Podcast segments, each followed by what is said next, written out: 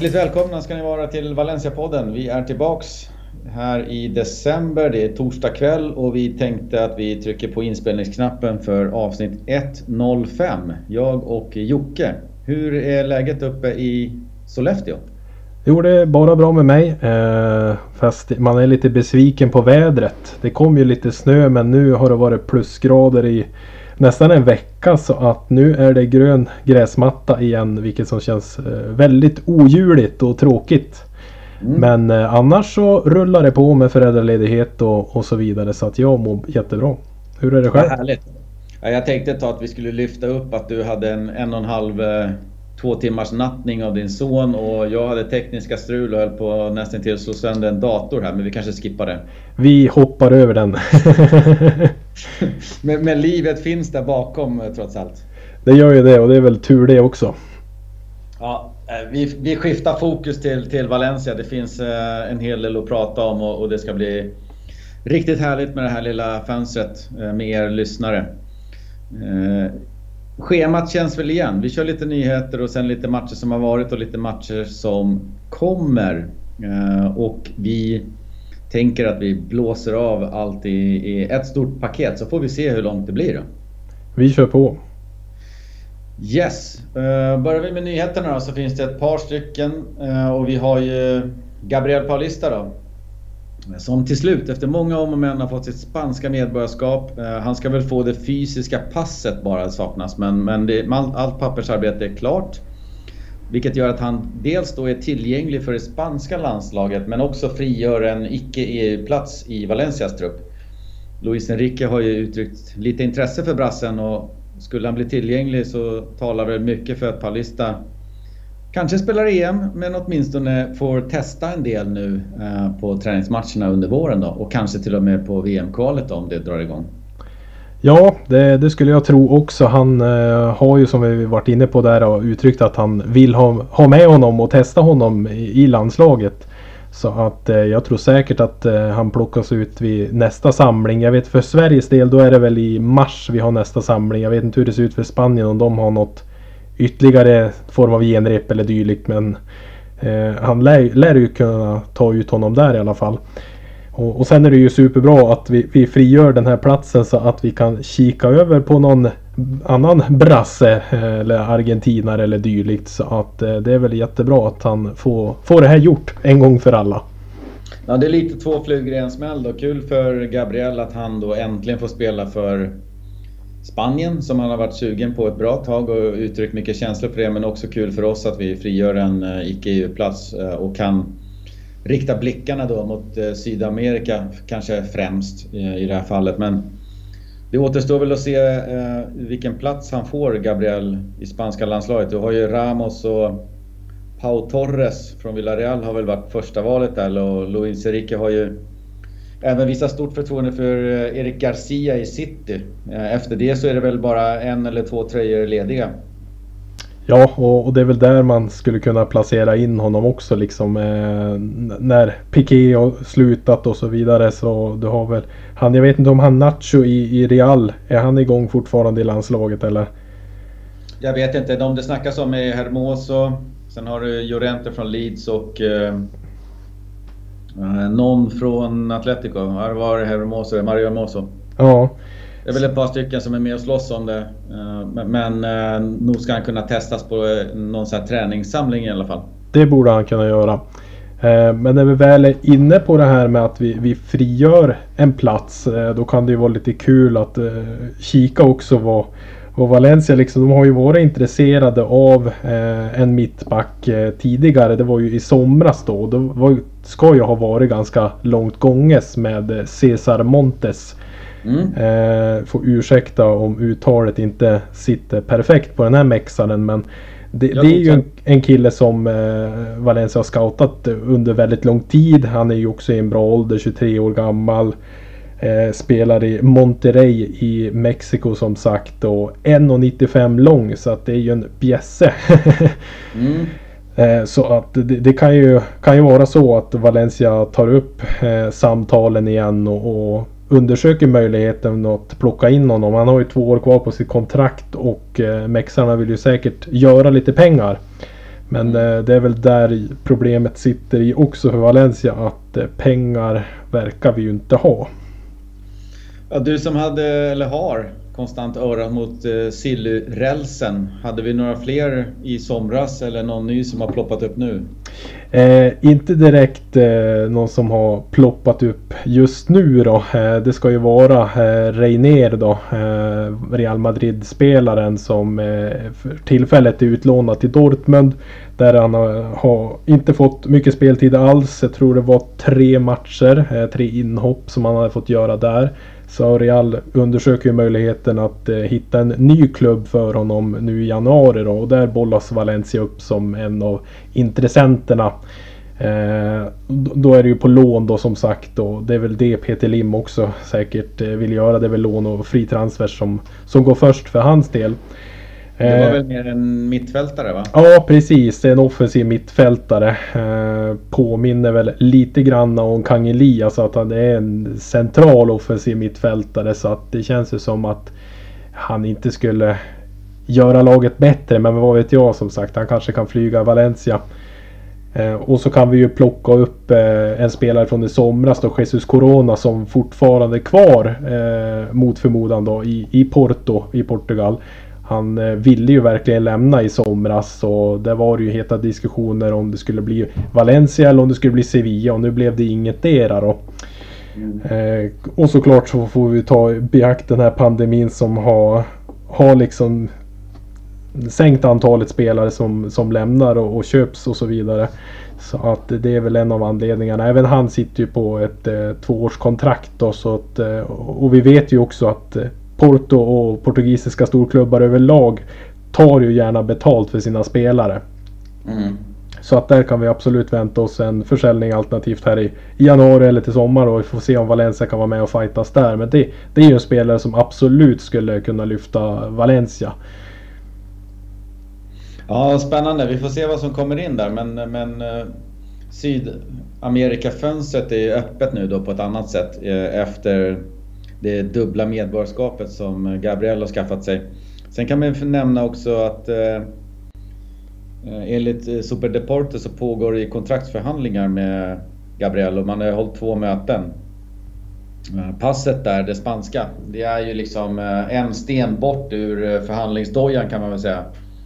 Det var en av de punkterna som var uppe och det gör ju Valencia mer villiga till att signa honom. Dessutom så har ju Palista blivit en av kaptenerna i, laget med, med Soler, Gaia och Xiaomi där. Så att, om jag förstår Supers artikel rätt så, så handlar det eh, i slutändan om pengar. Uh, han behöver ett kontrakt uh, som, som, är värdigt en av kaptenerna i Valencia.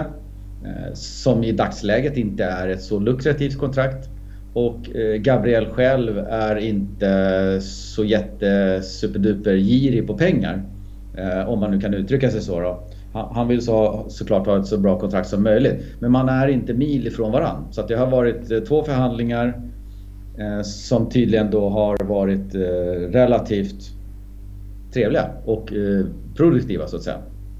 Ja, och det är ju även eh, nu som Valencia också får, får ta sitt beslut då, om det Paulista ska vara en spelare man ska göra några pengar på. Ja, men då kritar man ju inte ett nytt kontrakt heller och, eller tilldelar han eh, en av kaptensrollerna i laget. Så att mycket tyder ju på liksom att eh, Palista verkligen ja, men vill stanna i Valencia och vill liksom, ja, men spela sina bästa år i Valencia. Han är väl 29 år gammal nu också. Så att skriver man liksom ett 3-4 års kontrakt med honom så ja, men då, då blir han nog Valencia trogen ett par år framöver. Och det kan jag ändå se funkar liksom. Han och Hugo Guillamon skulle ju kunna bilda ett, ett, ett bra eh, mittbackspar i Valencia. Um, skulle vi kanske hellre ha kanske en Garay eller en kanske en ännu bättre mittback bredvid Gabriel. Men, men, vi har inte de pengarna och situationen ser inte ut som den gör. Och, och ur, ur den synvinkeln så kan jag tycka att Gabriel och Guillamon känns eh, bra. Ja, och han är ju våran klart bästa mittback i, i truppen idag så att det vore ju dumt att göra annat än att, att behålla honom. Då tänker Meriton att då gör vi så. Vi gör av oss med honom. Ja, exakt. Tyvärr. Ja, vi får se, men kul, kul med det spanska passet där och det är någonting som han har velat och eh, vi, vi håller tummarna för att vi ser honom i EM eh, kommande sommar här då. Ja, det är ju alltid roligt också att, att se Valencia-spelare i, i det spanska landslaget. Så att då blir det ännu en att följa. Exakt. Nästa nyhet då är ju Kangin Lee. Eh, eller Lee Kangin som en del eh, vill hävda att det ska sägas. Eh, det är hans vara eller icke vara. Det fortsätter vara en av de heta samtalsämnena hos sporttidningarna. Senaste är då att Sydkoreanens agent jobbar för en flytt redan i januari. Kangin som bekant har inte velat skriva på något nytt kontrakt med klubben utan istället går samtalen mellan spelare och agenten och Valencia Eh, om hur mycket eller lite man är villig att släppa honom för. Nuvarande kontrakt löper ut sommaren 2022 och min spontana känsla här är att spelaren vill bort. Det är ju absolut det, det man tror om man eh, då läser allting som, som florerar. Och, och med sättet liksom som, som han beter sig på att eh, han vill verkligen inte krita något nytt avtal med Valencia. Och det här är ju ett eh, rejält slag i facet på Peter Lim och Meriton. Då, då liksom hela Kangin Lee liksom har ju byggts upp. eh, Ja ofrivilligt från hans sida säkert då men från deras sida att vara den här posterboy killen då med, med asiaten och att man ska göra marknad där, där borta. Så att det här är ju ett oerhört slag för deras del. Eh, men också kan man ju tycka att Kangin Lee inte har tagit de här kliven som man förväntade sig att han skulle göra. Eh, Han är ju också en spelare som inte riktigt passar in, tycker jag, i, i Javi Gracias sätt att spela. Inte heller under Marcelino eller Celades tid så tycker jag att man har en solklar roll liksom. Jag menar på ett höger yttermittfält eller som en anfallare. Jag tycker inte att han, han är inte tillräckligt bra för att spela på de positionerna utan är ju mer utav en tia i mina Mm. ögon. Ja, jag håller med. Det, fin det finns ju ingen eh, striker, eller ingen är väl hårt att ta i, men det, det finns, jag ser inte jättemycket striker-kvaliteter i honom. Eh, vilket i sådana fall gör att han ska spela som en släpande forward. Eh, och där har inte riktigt han fått bollarna att jobba med. Eller för den delen vad det känns som friheten att agera liksom centralt på en fri roll. Ska vi kalla det för en Totti-roll liksom. Eh, så att, så att han har ju varit en, forward. lite samma känsla som när du lyfter upp Gede som forward. Alltså du, du får inte den utväxlingen på spelaren som, som man vill. Och Kangeli eh, har fått chanser att spela. Men jag tycker inte att han har fått kanske ärliga chanser på så sätt att, att spela på de positionerna han vill. Eller på det sättet som han vill. Så att, ja, det, det är trist. Men, men, och, och jag kan kanske förstå spelaren Ja, dels såklart för situationen och den cirkusen som pågår i Valencia, att spelaren möjligtvis då vill bort. Eh, men också att han kanske inte får, fick chanserna under Marcelino, väldigt ung på den tiden. Men, men nu också att han inte tar en plats, eh, en, en stabil starttröja i, i laget. Mm, ja men det är det jag är inne på. Han tar ju inte riktigt det här klivet eh, på de här positionerna som han får spela i. Mm. Eh, så oerhört tråkigt för det är ju en, eh, en spelare som kom väldigt, väldigt ung till, till Valencias akademi och, och har plockat fram honom. Och, och så är han ju liksom en spelartyp som, som inte finns i, i dagens Valencia. Och det är ju en bolltrollare av dess like. Vi har ju sett hans fina, fina kvaliteter. Hur pass vän han är med bollen och, och, och vilken fin vänsterfot han har. Men, men han är ju inte så bra så att man skulle kunna ändra liksom formation eller filosofi eller spelsätt för Xavi Gracias del. Så jag förstår ju liksom att det här är ju svårt för honom också. För han måste ju, om man, om man nu ska spela Kangin Lee och, och prägla liksom uppställningen efter honom, ja men då måste man göra om så pass mycket. Så att jag tycker inte att det, hans eh, vad ska man säga, hans kvaliteter är inte tillräckligt bra för att man ska bygga laget kring honom om du förstår vad jag menar. Ja men absolut. Jag tycker att han... eh, Han har ju inte striker-kvaliteterna som kanske Santemina och Maxi har.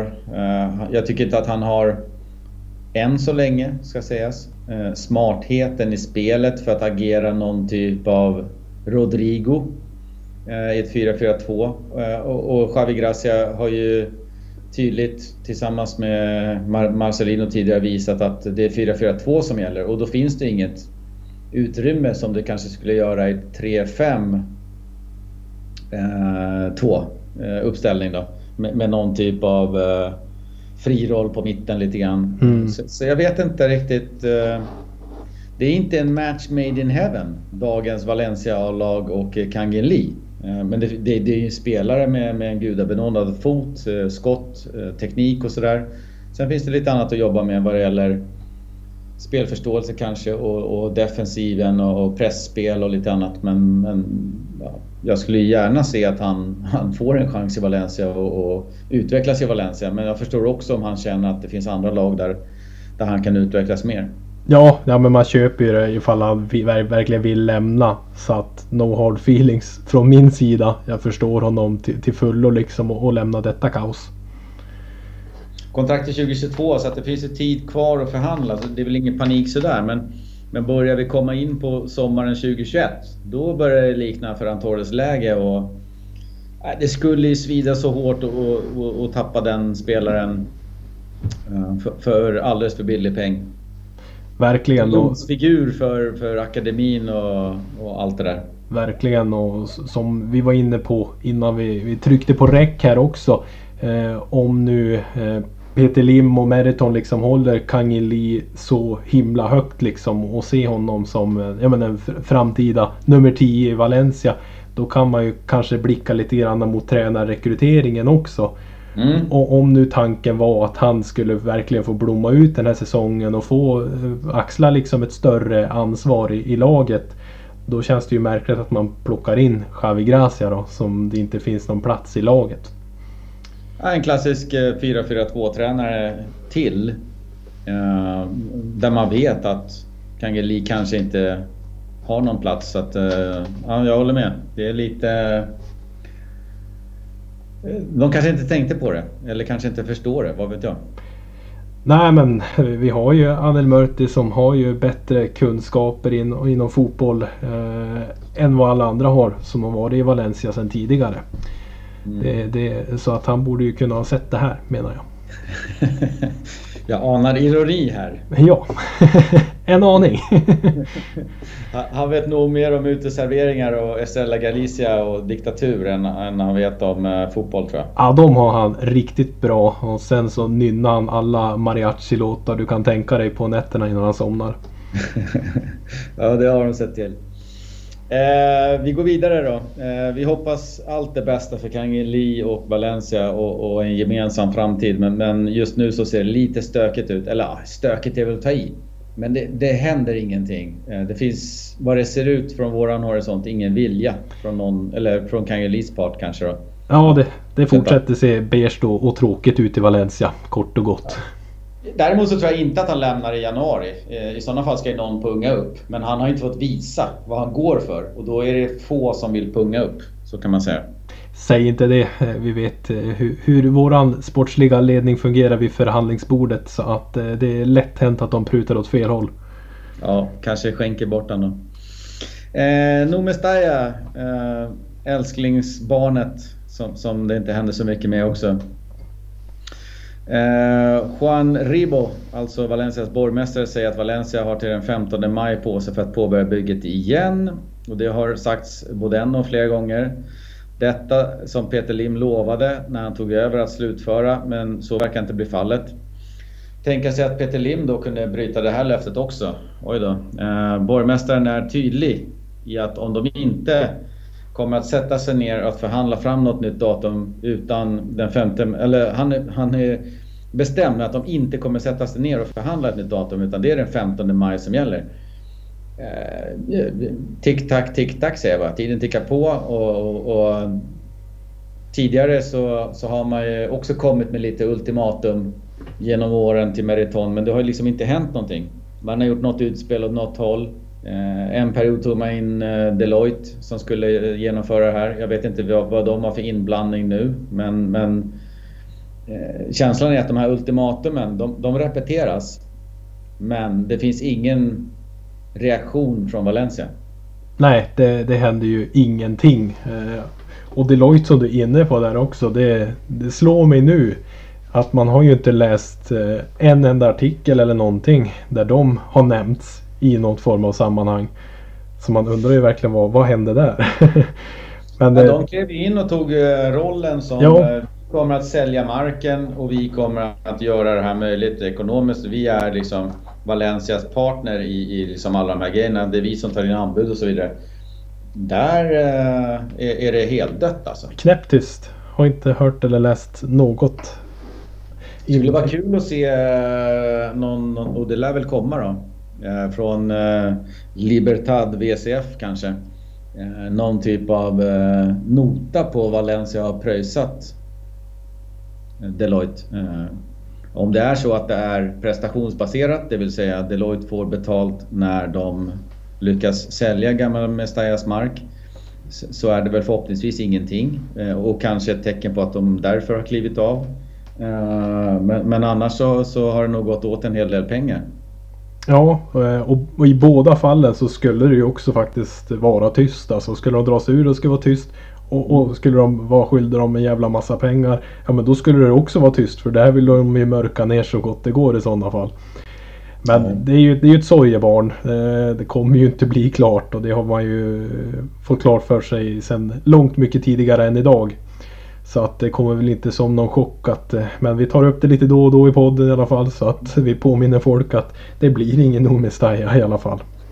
Nej men samtidigt så, så har jag lite dålig så här, ex exakt koll på hur, hur, länge man kan tillåta spel på, på Mestalla. Eh, det är ju det är en gammal arena. Eh, och jag vet inte, det, det, har ju sagts flera gånger att den inte håller för spel, alltså att den inte går igenom alla tester och krav och så vidare eh, så värst länge till. Eh, det är inte bara det att betongen som nya Mestajan, eh, ja, den betongskeletten som står där, att inte den tål sol, väder och vind i, i längre än 10 år eller vad du har sagt, eller 12 mm. år, man har förlängt det där. Men, men ja, alltså kan man välja Mestajan. Men, men gör det då. Men jag tror inte att man kan göra det. Nej. Och då blir det någon sorts dödläge att fan någonstans ska vi spela. Ja, det blir väl som Real Madrid gör nu och köra på träningsanläggningen istället då när de renoverar Bernabéu. Vi får väl köra på Paternan eh, permanent då framöver. Det vore ju oerhört tråkigt. Nej men det, det är bra att du tar upp det så att säga. Det, jag har inte tänkt att reflektera jättemycket över det. Att eh, där har vi ju faktiskt också säkert någon form av deadline innan vi måste lämna gamla Mestalla. Nej men jag, precis, jag, jag för mig att det fanns lite datum som någon har nämnt och sen vet jag inte hur liksom underbyggda de forskningarna är. Men, men någonstans så, så, ska ju den också godkännas för, för spel och jag menar den behöver bli en eh, 80-90 år kanske i alla fall då. Eh, det var 1937 var det så? Ja, tror det. Ja, nu chansar jag här. Mm. Men, men, det är i alla fall sedan 80 eh, år då. På den. Så hur länge håller den? Det är ju det som är själva frågan. Eh, och jag vet att man har tryckt från det hållet också. Eh, och sen kan det vara att liksom stadsplaneringen och borgmästare trycker att vi liksom, den håller inte längre. Att det är därför man försöker trycka in på nya Mestajan och att liksom nya Mestajans betong håller på att ruttna bort. Därför måste ni fortsätta bygget nu. Eh, och så vidare. Så att nu, nu snackar man väl mest om att den delen av Valencia kan inte se ut som det gör. Det finns en stadsplanering för den stadsdelen om hur det ska se ut och hur det ska byggas. Och nu ser det ut som nedlagda butiker, nedlagda pubbar och, och ett betongskelett som står där. Det händer ingenting. Nej, det är oerhört tråkigt. Eh, vi får se om det, om det kommer ut någonting också gällande ja, men Mestalla nu då liksom. Och, och och hur det ser ut där med, med datumtider och så vidare. Hur länge man kan tänkas vara kvar. Men kommer det sluta med att Peter Lim står där utan spelare och utan arena när han väl lämnar klubben? Det är ju väl frågan nu då. Ja, jag har sagt det någon gång avsnitt sju kanske.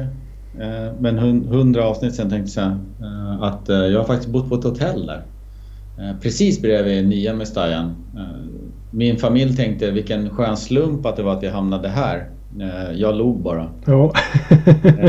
Eh, men då var jag runt lite bland pubbarna där och knallade runt ett par varv med, med grabben och surrade lite med folk. Men det, liksom, det, jag tycker ändå att det är ett ganska charmigt område. Så här. Det, visst, det är motorväg på ena sidan och en stor rondell och sådär. Men på andra sidan så, så finns det lite sköna kvarter och, och absolut skön liknande känsla som på Mestalla. Det går ju såklart inte att, att återskapa det som finns på, på nuvarande Mestajan. Men, men, det är inte kattpiss på, runt den nya arenan. Så att... Fan, kör eller så kör ni inte. Ja, det var, det, man var ju lite... Det blir jobbigt för mig. Man var ju lite rädd för det liksom att det skulle bli för modernt om man kan säga så. Mm. Men som Cornel Pratt till exempel i, i Espanyols arena. Den heter väl något annat nu, Power Rate eller något sånt där. Jag säger Cornel Pratt i alla fall.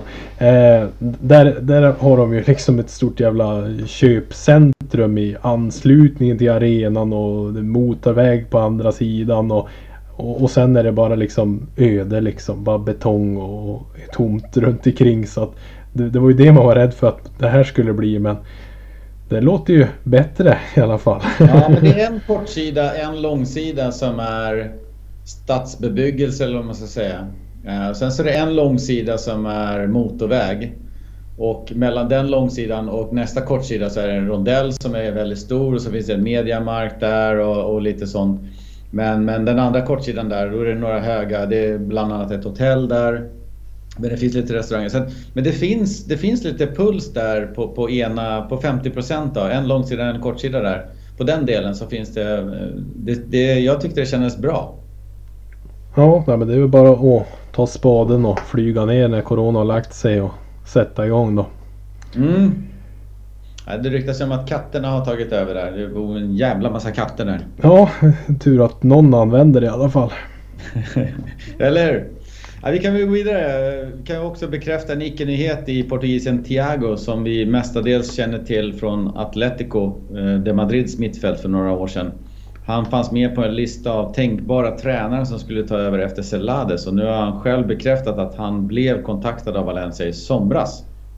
Eh, men det föll på att han själv inte hade pro-licensen för att vara ensam huvudtränare. Han blev intervjuad tidigare i veckan av Radio Marca. Ja, det är väl eh, inte så mycket att säga om så att säga mer än du har sagt. Det är ju en icke-nyhet och, och Thiago var ju helt oprövad också som, som huvudtränare. Så mm. att jag är ju mycket glad att vi, vi landade i Javi Gracia. Utan att veta liksom hur det, hur det hade gått med Thiago. Men det hade ju också känts lite fel att ha en sån stor Atletico Madrid-profil på tränarbänken. Ja, verkligen. Jag, jag, kan inte inbilla mig att han hade gjort det bättre äh, än äh, Gracia har gjort. Nej. Inte för att jag höjer Gracia till skyarna på något sätt, men äh, no, no, nog kan det vara nyttigt i dagens Valencia att ha en gedigen tränarerfarenhet som Gracia ändå har eh, i ryggen eh, när det blåser och stormar som det gör. Ja men verkligen och komma in helt oerfaren till, till det här Valencia med en galen ägare. Ja men det hade nog då inte varit någon bra liksom eh, första, första tränarjobb för Thiago. Han är väl en av de tusen som uh, Anil Murti har på, på listan över tränare som vill träna Valencia. Exakt. Äh, vi avslutar med Jonas Musa där då. Eh, lite kul. Eh, nytt kontrakt till 2026. Ursprungliga kontraktet var ju till 2022. Eh, ett så kallat, eh, om det nu är korrekt ord, då, men ungdomskontrakt. Han kom ju från eh, akademin. Han hade spelat i Valencia Mestalla då ett år. Eh, och nu har parterna kommit överens om ett eh, seniorkontrakt med en utköpsklausul på 100 miljoner euro. Spelaren har ju då eh, 10 matcher från start i år Eh, med ett mål i 2-2 mötet mot Getafe. Han är landslagsman i USA. Han har tidigare varit landslagsman för England genom alla U-stegen upp till U19. Och eh, eh, kan nu, kom en nyhet här i veckan att han kan bli en av fem som kan vinna den åtråvärda titeln Årets unga spelare i USA. Ja, de börjar ju verkligen få fram några spännande talanger i, i USA. Mm. Så det ska bli kul, kul att följa. Då har ju han i, i Barca där också. Eh, Dest och så var det väl någon, någon, eh, någon mittfältare också. Även nu är jag på djupt vatten känner jag. också i Barcelona som, som var amerikan. Så att eh, det är jätteroligt att vi knyter upp eh, Musa på ett långt kontrakt tycker jag. Eh, har ju inte riktigt slagit igenom med dunder och brak ska man väl inte säga. Men han är ju så pass ung och, och har ändå gjort det helt okej okay när han har spelat. Mm. Utifrån de förutsättningar som finns. Så att eh, jag tycker man gör helt rätt att signa upp honom på, på ett långt kontrakt. Ja, och vad jag fattade som så fanns det liksom möjlighet för honom att spela då självklart för England då. Eh, men även eh, USA och även uttagningsbar för Ghana och Italien. Han verkar ha en bra bra möjlighet att välja landslag. Nu tror jag att valet är gjort. Ja. Han har valt att spela eller blev i... Han var uttagen till att börja med. Men sen vart han ju inspelad på planen eh, för USA och då är han ju tingad för USA. Precis, så att eh, nu är det USA som gäller och jag tror vi har varit inne på det tidigare i någon podd för några avsnitt sen liksom med, med det här spretiga så, eh, utfördelad som han har varit liksom över hela världen med, med född i New York och uppvuxen i Italien och sen då med, med Arsenal i ungdomslaget där och sen då till Mestalla och nu i Valencias A-lag. Så att det är ju en jäkla resa han har gjort kors och tvärs här. Mm. Men om man kollar på spelare Yunus Musa i Valencia, vad, vad, vad har du honom? Vad, vad, ser vi från honom på planen och, och vad känner du kring spelaren? Ja men det är ju ett råämne som är jättespännande. Eh, sen skulle jag väl säga så att skulle Valencia ha en full trupp om, om man får säga så. Om vi hade inte släppt så mycket spelare och faktiskt fått in någonting då tror jag inte riktigt han skulle ha spelat så många matcher som han har gjort. Eh, vi har inte så mycket alternativ i den där rollen. Eh, dels med den tunna truppen men också skador som vi har haft. Så att mycket ska väl sägas att han har ju fått speltiden på grund av situationen i laget med, med de tillgängliga spelarna. Men han har ju inte gjort bort sig heller. Så att råämnet finns ju där absolut. Sen ska man väl inte höja honom till skyarna och, och säga att eh, han kommer bli bäst i världen. För riktigt där är vi ju inte. Utan han har, han har gjort det helt okej eh, okay, med tanke på förutsättningarna. Ja, jag håller med. Det är en eh, spännande spelare med bra bra speed i, i det han gör och, och känns hyfsat klok ändå i beslutsfattningarna. Eh, sen så, så kan, man, kan man vara där i hans ålder så är det beundransvärt. Eh, och, och förhoppningsvis så kan han bygga vidare på det. Men, men eh, jag känner lite som du, det är ingen Ferran Torres vi har på kanten. Nej, skulle Ferran Torres vara var kvar så hade han väl kanske gjort ett inhopp hittills. Mm. Och då hade han väl sannerligen inte debuterat för, för USA eller skrivit ett långt kontrakt till 2026 så att säga. Men eh, den enes död, den andres bröd eller vad säger man? Ja exakt och han, jag tycker han har tagit chansen. Um, han, han, har liksom fått chansen att kliva upp ung, uh, oerfaren uh, och, och, och, tagit chansen som, som har givits till honom under de här förutsättningarna. Så att, så att ingen skugga ska ju falla på honom. Uh, så det blir spännande att följa. Absolut. Så får vi se eh, vad som händer. Han hade ju 100 miljoner euro, en miljard i utköpsklausul. Får vi se vad det betyder egentligen då. Eh, Valencia har väl släppt lite spelare för mindre pengar än utköpsklausuler på senare tid. Kan man ju lugnt säga. Jag kan ju flika in att jag gick ju lös där på Black Friday och, och beställde mig en matchtröja här, tredje stället med, med Jonas Mosa på ryggen. Så ja, att. Eh, det är ju en liten personlig favorit i, i den här upplagan av Valencia. Och det var ju bara någon dag efteråt som han signade det här nya kontraktet och då var jag ju jätterädd att han skulle få ett nytt nummer också. Men som det ser ut så kommer att han fortsätta spela i nummer 30. I alla fall ett tag till. ah, Okej. Okay. Det var inte nummer 2026 han fick då? Nej, det var faktiskt inte det. Det är inte ens tillåtet att ha så många siffror på ryggen Nej. tyvärr. Nej det får vi hoppas. Nej, men det är kul. Eh, det är en spelare som man hoppas väldigt mycket på och, och känner att kul att han ändå signar ett så långt kontrakt. Ja, det betyder ju också att han är, är beredd att lägga ner jobbet också. Och, och se sig i Valencia en bra bit framöver. För Ja men det, året går fort så att säga. Går, går, det, går det trögt och han får några dippar liksom och så plötsligt är han 25 och har gjort två inhopp. Då, då är det inte så roligt längre. Men eh, man måste våga satsa också. Eh, så att jag tycker man gör helt rätt och signar upp honom. Ja, det verkar vara lite det ena eller det andra. Antingen så, så signar man inte och så släpper man Ferran och kanske Kangeli och andra spelare. Eller så signar man dem till 2026 istället. Ja, det är liksom varken eller. Ja, det ena eller det andra, det är bara att välja. Stanna i, i, i sex år eller försvinn. Ja. Nej, så är det. Vi, vi släpper eh, nyheterna där. Uh, och så kikar vi lite grann på de spelade matcherna. Vi hade en uh, batalj här för en vecka sedan med Valencia Atletico som vi inte har pratat om och, och ska väl kanske inte prata om. Det var 0-1. eh, sent. Självmål av Lato tyvärr. Kan inte lasta honom jättemycket för det. Det är en tung förlust. Eh, stod upp bra och förtjänade en poäng kan man väl tycka. Ja, eh, det är ju jättetråkigt att vi, vi inte får det här krysset som vi ändå tycker att vi, vi förtjänar på... på visst, Jaume är storspelare i mål, det ska sägas. Han gör en jätte, jättebra match. Eh, men jag tycker att inte att vi är, vi är inte superlångt ifrån Atletico. I, i hur matchen såg ut. Kollar du på pappret är vi ju mycket längre ifrån än vad vi faktiskt såg på planen. Jag håller med. Det kändes som att nu, nu jäklar blir det åka av här. Det här blir, det här blir tufft. Nu ska vi liksom verkligen få visa var vi står. Eh, eller så faller vi väldigt tungt. Och, och där tyckte jag att vi tog fighten på ett riktigt bra sätt och visade att men fan vi, vi kan dansa. Med, med, med, topplagen i La Liga. Men äh, det föll lite på, på en, ja, ska man säga, tillfällighet. Som man alltid gör när man förlorar eh, på slutet. Men ja, ja. Eh, positiv insats överlag. Eh, negativt resultat. Ja, ja men det, det tycker jag ändå att vi ska vara nöjda med. Med prestationen. Sen att utfallet inte blev det vi önskade. Och man såg ju framförallt i andra halvlek att eh, ja, men när, när det började göra lite byten. Vilka spelare som Atletico bytte in. Och vilka som vi bytte in liksom. Du ser en eh, Jean Felix komma in och en Carrasco till exempel.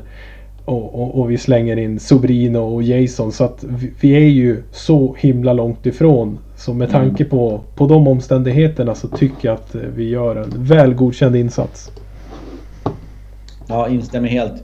Vi kikar vidare på uh, Eibar Valencia 0-0. Eh, lite halvtrist tillställning med kanske två rejäla målchanser för Valencia. Och, och, med lite stolpe in så kunde man ju ha tagit med en trepoängare där, vilket Mangala har varit inne på i snacket efteråt. Uh, vi har ju en Gamero igen som bränner en chans. Och, och hur många poäng kostar det oss? Gameros missar. Ja, vad är vi uppe i? Är vi uppe i sju poäng? Ja. Hittills. Ja, det är ju skärpning som gäller alltså. Och jag förstår eh, om eh, Javi Gracia nu liksom passerar honom till bänken permanent. Ja men släng in Sobrino istället och, och kör Vallejo från start. Fortsätt med det då. För det här håller inte överhuvudtaget från Gameros sida. Det är ju en, en målskytt. Det är ju det som är hans grej egentligen har varit under hela karriären. Det är mål han ska göra. Ingenting annat behöver han göra på plan. Så när han får de här äh, jättechanserna mot äh, Alaves och nu mot Eibar. Det är klart att han ska göra mål. Ja, om det ändå hade blivit ett mål på, på de två chanserna. Jag håller ju Alaves-missen som ett grovt felbeslut äh, och, och, och någon nästan till liksom tjänstefel från, från Gameros sida. Det här det är ett öppet läge också. Den här sätter han ju åtminstone på mål. Målvakten får får den väl på knät eller låret och, och gör någon typ av räddning. Eh, jävligt trist. Eh, men läget finns ju där. Du har ju chansen att, att kamma hem tre poäng. Där och då. Men, men han tar den inte. Eh, kanske, kanske om man har en, en Mano Vallejo där som man inte värderar kanske lika högt så som, som Gamero som ändå har med, med den erfarenheten som han har och, och de stormatcherna som han har spelat både i, PSG och Sevilla och, och Valencia för den delen det, det, ska vara minst ett mål på de här två chanserna och det har det inte blivit och det har kostat poäng. Ja, och, det sammanfattar väl också eh, Gamero eh, tid i Valencia lite grann kan jag tycka. Kom, mm. kom för, för dyra pengar, var redan hyfsat till åren när han kom. Och har inte växlat ut eh, och vara den här pålitliga målskytten som han har varit både, både i sin tid i Frankrike och Sevilla och, och, och Atletico eh, innan han kom till Valencia. Så mm. det här är ju en, en dålig rekrytering från första början i, i mina ögon. Ja men så är det. Det går inte att summera på så mycket annat sätt. Däremot så är han hos oss nu och, och man, man håller tummarna för att han ska sätta dit dem men det, det, krävs lite för mycket chanser för, för Gamero för att han ska sätta dit bollarna. Man, du får inga överraskande mål direkt och det, det är trist. Ja, nej, men nu tycker jag att han har, han har bränt sina broar helt enkelt. Ja. Du är less nu? Ja, nu är jag riktigt less på Gamero. Så nu är det bara att skeppa upp honom på läktaren. ja, vad säger vi om Schaumer då? Ja, det som jag var inne på mot eh, eh, Atletico också så gjorde han ju en jättebra match där och gör ju inga misstag här heller. Eh, jätte jätteroligt för hans del att eh, få göra de här insatserna. Dels i Sillesens frånvaro men också för klubbhjärtat som han besitter. Så det, det är bara att applådera. Vilken insats!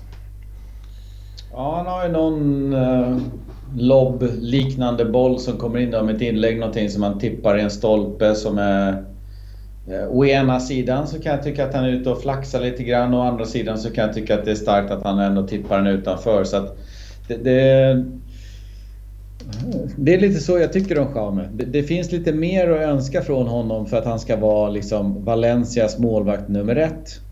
Men det finns å andra sidan så mycket med Jaume att tycka om.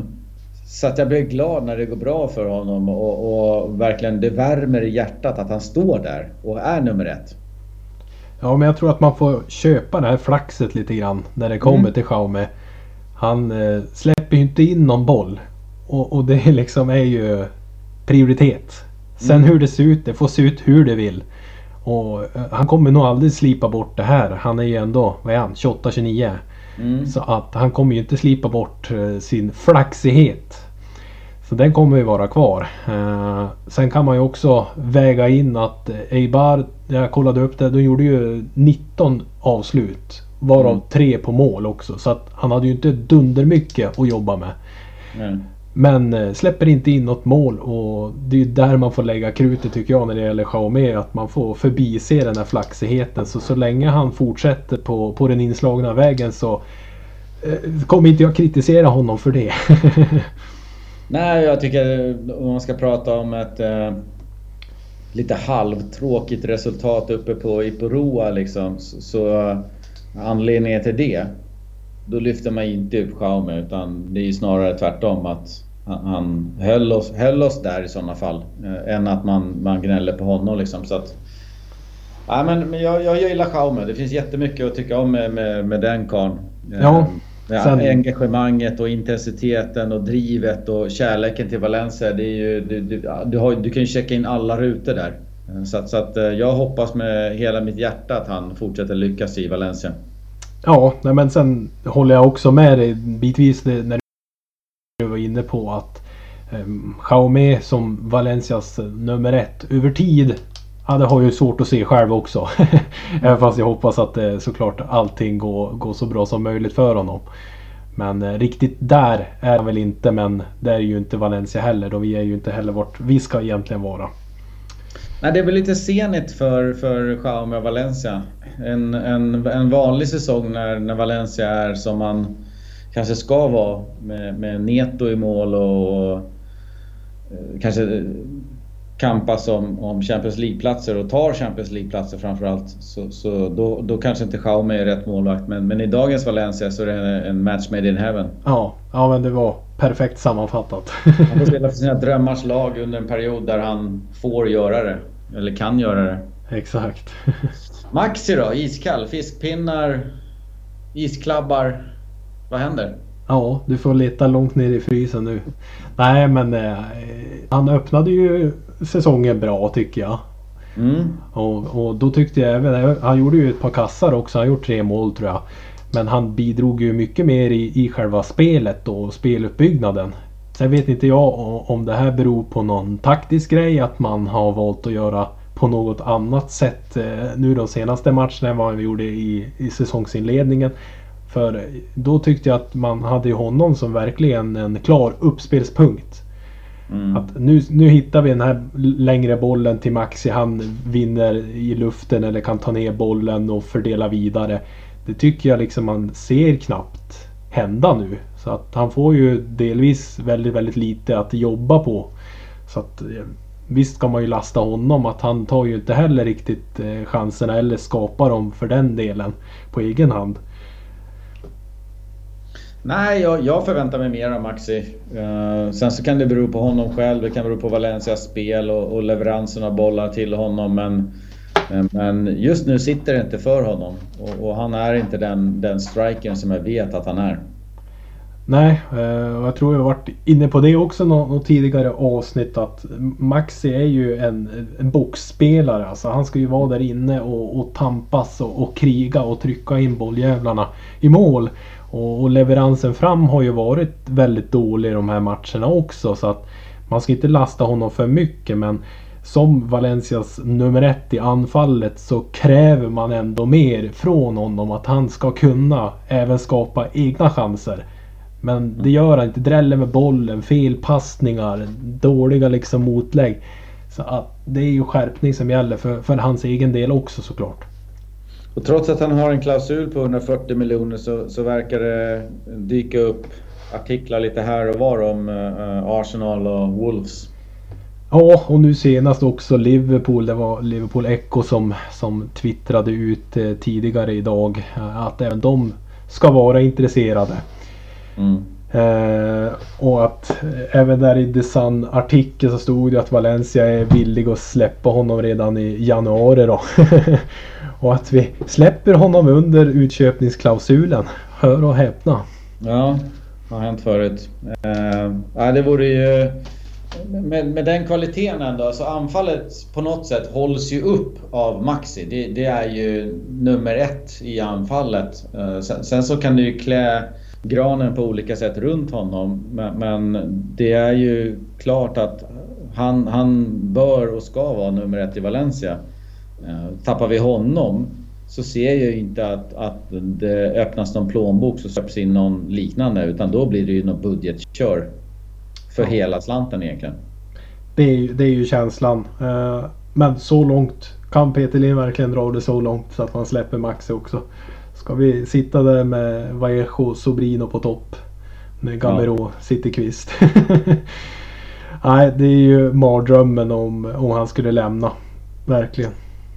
Nej, så är det. Vi noterar ett uh, underbart skott av uh, Ratchis också som, som uh, Eibars målvakt tippar i ribban. Tyvärr, det var bra timing, bra touch på den bollen. Hade varit värt ett mål. Eh, men om vi fortsätter med anfallet där. Var, var har vi Manu Vallejo någonstans? Är det en ny publikfavorit eller? Jag måste bara egentligen lyfta där. Vad är det för jävla räddning? ja, det kan man säga. Herregud. Den är ju grym. Det kommer ju bli säsongens räddning i alla fall. Var nominerad till det. Oj, oj, oj. Starka handleder på den och tippa. Ja. Ah, herregud. Verkligen, verkligen. Och det är ju sånt tryck. Vilket löd i dojan han har, Rasic. Mm. Komma där perfekt på vollen så att det är ju extremt te bra tekniskt utfört av, av Rasic också. Få ner den bollen, få den här bollbanan och den kraften. Så det, det ska vi ju lyfta också. Men eh, Manu Echo, ja, vilken slitvarg. Oj vad han springer. Eh, han står ju aldrig still. Otroligt kvick, löpvillig, bra i pressspelet. Men inga mål. Men absolut, eh, ny publikfavorit. Det, det kan man absolut bolla upp när det gäller honom. Ja, det finns ju flera sådana här eh, exempel i, i, alla lagen runt om i världen och kanske landslag i vissa fall där det finns publikfavoriter som folk gillar för det hjärtat och, och engagemanget och löpet och jobbet som man gör. Och där har ju Manu Vallejo alla de komponenterna. Man, man, man äh, önskar ju att det skulle lossna för honom. Att, att han får peta in lite löpande baljer och att han lyckas. Liksom. För det är, en, det är en sån spelare som man vill ska lyckas. Ja men verkligen. Uh, och, och, och, springer ju konstant. Alltså han är ju aldrig still. Och man mm. trodde ju verkligen när han gjorde de här två målen i säsongsinledningen mot... Eh, vilka var Var det Levante? Ja, möjligt. Jag kommer inte ihåg. Jag tror det var Levante där när han hoppade in och gjorde två mål och ett på övertid. Ja, men just det. 4-2 ja. Det stod väl 2-2 ett tag? Ja, men precis. Kommer han in och, och vänder på steken. Då tänkte man, vad är det för spelare vi har införskaffat? Hur har den här harvat på i, i, i Segundan i Cadiz? Så att då, då eh, var det ju otroligt spännande skulle det bli att följa han då. Och han har ju som fortsatt ja, men den här löpvilligheten. Men det är som du säger, det lossnar inte för han. Så man hoppas, hoppas, hoppas att det gör det. För att eh, det är ju en spelartyp som, som är lätt att älska. Ja, och, och precis i fallet Maxi så, så kan det bero en hel del på honom själv såklart. Till största del så gör det väl oftast det. Men också lite grann på vilken leverans man har fram till forwardsarna från, från kanter eh, och instick och så vidare. Eh, så att vi, vi, får se. Jag, jag, vill inte avlägga min slutgiltiga dom på Manu Vallejo förutom att jag tycker väldigt mycket om honom. Men, men jag hoppas att han... Eh, jag, jag, jag, tycker mig se en, en viss talang av målskytte i honom. Att det, att det finns där. Eh, och hamnar han i rätt miljö, i rätt sammanhang med rätt spelsystem så kan det nog funka riktigt, riktigt bra. Sen om det är Valencia, ja vi hoppas det. Ja, det återstår att se men spännande ska det bli i alla fall. Verkligen. Vi kan väl kika lite på kommande matcher då. Eh, och då har vi Valencia Athletic Club de Bilbao. Lördag, fina 14.00 matchen. Det är bara sätta sig ner två timmar tidigare än, än Premier League eh, 16.00 och, och spana in den här. Eh, och det börjar krisa underifrån rejält i tabellen. Det finns inte så mycket mer att säga än att tre pinnar är ett måste mot Athletic Club. Som också haft en tuff start på säsongen. Ja, vi ligger ju på samma poäng på 13 inspelade mm. pinnar båda, båda de här två lagen. Och Båda har ju underpresterat grovt. Eh, och Atletic Club de Bilbao de har ju sina basker i laget som är där år efter år efter år. Och man tror ju att ja, men nu lossnar det, nu lossnar det, nu lossnar det. För det är ju en klubb man, man ser ska kunna vara högre upp tabellen. I alla fall slåss om någon Europaplats. Åtminstone mm. övre halvan. Så att eh, det är ju skärpning som gäller här på lördag 14.00 för båda de här två lagen. Så att det ska ju bli spännande att se den här drabbningen men förhoppningsvis så drar ju vi såklart det längsta strået. Ja, förhoppningsvis så, så ser Atletic Club sådär bleka ut som jag, jag, tycker att de har sett ut mellan varven. De, de verkar ju liksom ha presterat bra mot storlagen, om man nu får kalla dem så. Uh, men, men fallit och, och fallerat mot, mot de eh, mindre lagen. Så att, jag vet inte vilken kategori vi går under, men, men förhoppningsvis så så blir det väl en matchbild som gynnar Valencia och, och, vi kan ta tre poäng. Och kollar vi på de spelare i truppen då så är Cheryshev tillbaks i träning idag torsdag efter Covid. Eh, Guillamon är tillbaks efter avstängning. Eller? Eh, där har Spanska fotbollsförbundet då Eh, efter en ny regel i somras klivit in och eh, uppmärksammat att eh, Javi Garcia tydligen har sagt åt Guillamon att vara lite trög av planen när han fick en skada mot Alaves. Va? Och därmed dra på sig ett gult kort. Och då spelar det... Ja, I och med att han då drar på sig ett gult kort så försvinner den i och med att han är skadad. Då. Så att eh, det håller man på att utreda och det finns eh, videoupptagningar som, som man hävdar styrker den teorin. Men en utredning är satt på plats så vi får se om Guillamon är på planen. Ja, det vore ju oerhört tråkigt om man skulle bli avstängd nu då. Då lär det väl inte bara bli en match. Det lär väl bli två, tre matcher eller dylikt. Ja. Så att... Eh, Hade ja. någon liknande situation med Mourinho. Jag tror att det var i Real. När han skulle sparka en eh, inspark och han skickade iväg en andra tränare för att tala om för, eh, ja, vad hette han då? Han målat som inte Porto sen va? Eller var det Benfica? Eh, Casillas. Casillas, exakt. Han får man inte han, tappa namnet på. Eh, maska och, och, inte lägga insparken och till slut så fick han ju gult för det. Och då var han ju avstängd i en meningslös match. Uh, eller var det Ramos som klev ner och skulle ta det? Jag kommer inte ihåg. Jag chansade lite där. Men, ja. men det fanns ett eh, exempel där för något år sedan där, där Mourinho skickade in en annan tränare. Och, och man satte någon regel på plats nu här i somras att gör man den här typen av grejer så, så får man ytterligare ett straff. Mm. Och det är det man nu utreder från spanska fotbollsförbundet kring Hugo Guillamon och Javi Gracia. Och det är bara att hoppas att det är blurriga bilder att kika på så att han kan vara med här.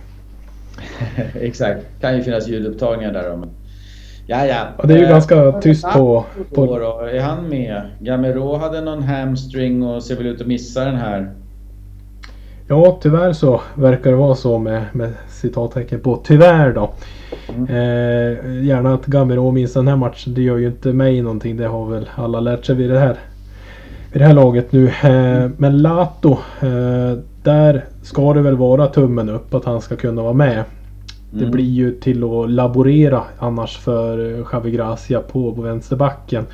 Mm. Vi såg ju en Korea komma in och spela lite vänsterback nu senast mot Eibar när han klev av. Yes. Så att det blir väl han då i sådana fall som får kliva, kliva ner där då. Men Latos tror jag absolut kommer vara med och, starta den här matchen. Ska väl inte vara någonting så att han ska missa. Hur tänker du kring eh, startelvan då? Om vi bortser från de uppenbara att eh, Jaume står i mål och Gabriel spelar mittback och Soler, Ratchis och så vidare. Nej men jag tror Rivero kliver in där mellan stolparna. Nej då. eh, nej men absolut, jag tror eh, att vi får se en eh, Daniel Wass på högerbacken med Paulista. Eh, Giamon ifall han kommer spela. på mittbacken med Paulista som sagt och så Lato till vänster.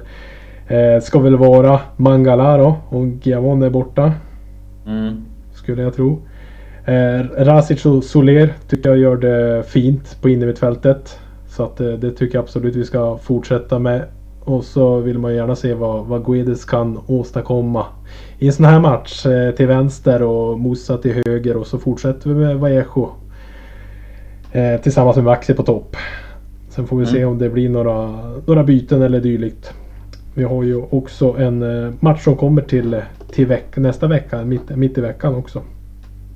Ja men exakt. Det är Terrassa FC från eh, Tercera, alltså ja, tredje divisionen. Någon av dem, det finns väl typ åtta stycken. ja. som, eh, som dyker upp i en Copa del Rey-match. Eh, fina onsdagsmatchen 19.00.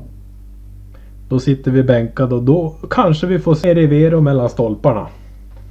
Exakt, och då kan man se så här Koba Koindredi och, och, lite andra härliga spelare som, som gör eh, lite så här ungtuppar som gör en, en debut i A-laget. Så det blir eh, riktigt spännande. Och direktörssonen Alex Blanco, han kanske ja. får starta. Eh, han trodde jag ju faktiskt lite grann på. Eh, gjorde det ju eh, riktigt bra i eh, Zaragoza. Mm. Om jag minns rätt var han utlånad till i, i fjol. Eh, och kom ju tillbaka till den här säsongen och fick vara kvar i och med att vi skeppade halva laget så hade vi inte så mycket till val. Men jag trodde absolut att han skulle kunna försöka ta något kliv. Han är ju en, eh, en, en bra vänster, vänsterytter i sina bästa stunder. Så att jag hoppas verkligen att han får spela och att man får se lite grann av honom. Ja men det vore kul. Det brukar vara kul i de här eh, första omgångarna i Copa del Rey att se lite nytt folk. Däremot så brukar det vara frustrerande att se hur Valencia får kämpa med att vinna. Eh, och andra lag för den delen också. Eh, det brukar vara svårt att ta sig förbi de här omgångarna. Det brukar gå till slut men, men, frustrerande att se. Ja, man minns ju Ebro där som vi mötte. Jag vet inte ja, hur exakt. länge sedan det är nu men där satt ju oerhört långt inne. men det är inte så. De backar ju hem med allt de kan och allt de har också. Även mm. fast vi spelar med, med junisarna till mestadels.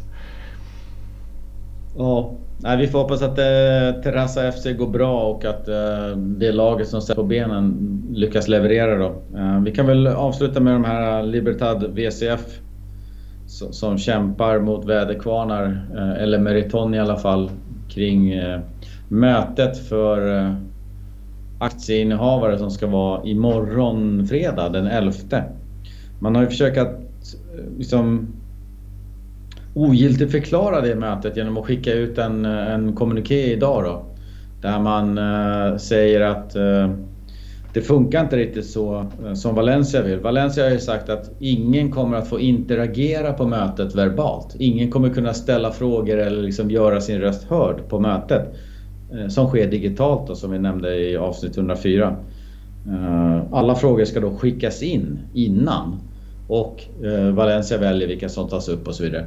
Eh, mer, mer av diktaturen bara. Det, det är ju helt löjligt och det är helt tydligt. Eh, men den ogiltighetsförklaringsönskemålet eller brevet som skickades in har slagits av all, av eh, ja, Meriton ska vi säga. Så, så att mötet ser ut att bli av imorgon fredag. Får vi se vad det ger. Bara hålla ögonen på Twitter så kommer det information där. Ja, det är ju fint av dem att de i alla fall försöker att säga. Men att det här mm. ogillas av Meriton. Ja, det visste de väl såklart skulle hända. Mm. Men det är bra att folk engagerar sig även fast det är ett eh, hopplöst fall. Så är det ju tragiskt att vi ska avsluta avsnittet med detta.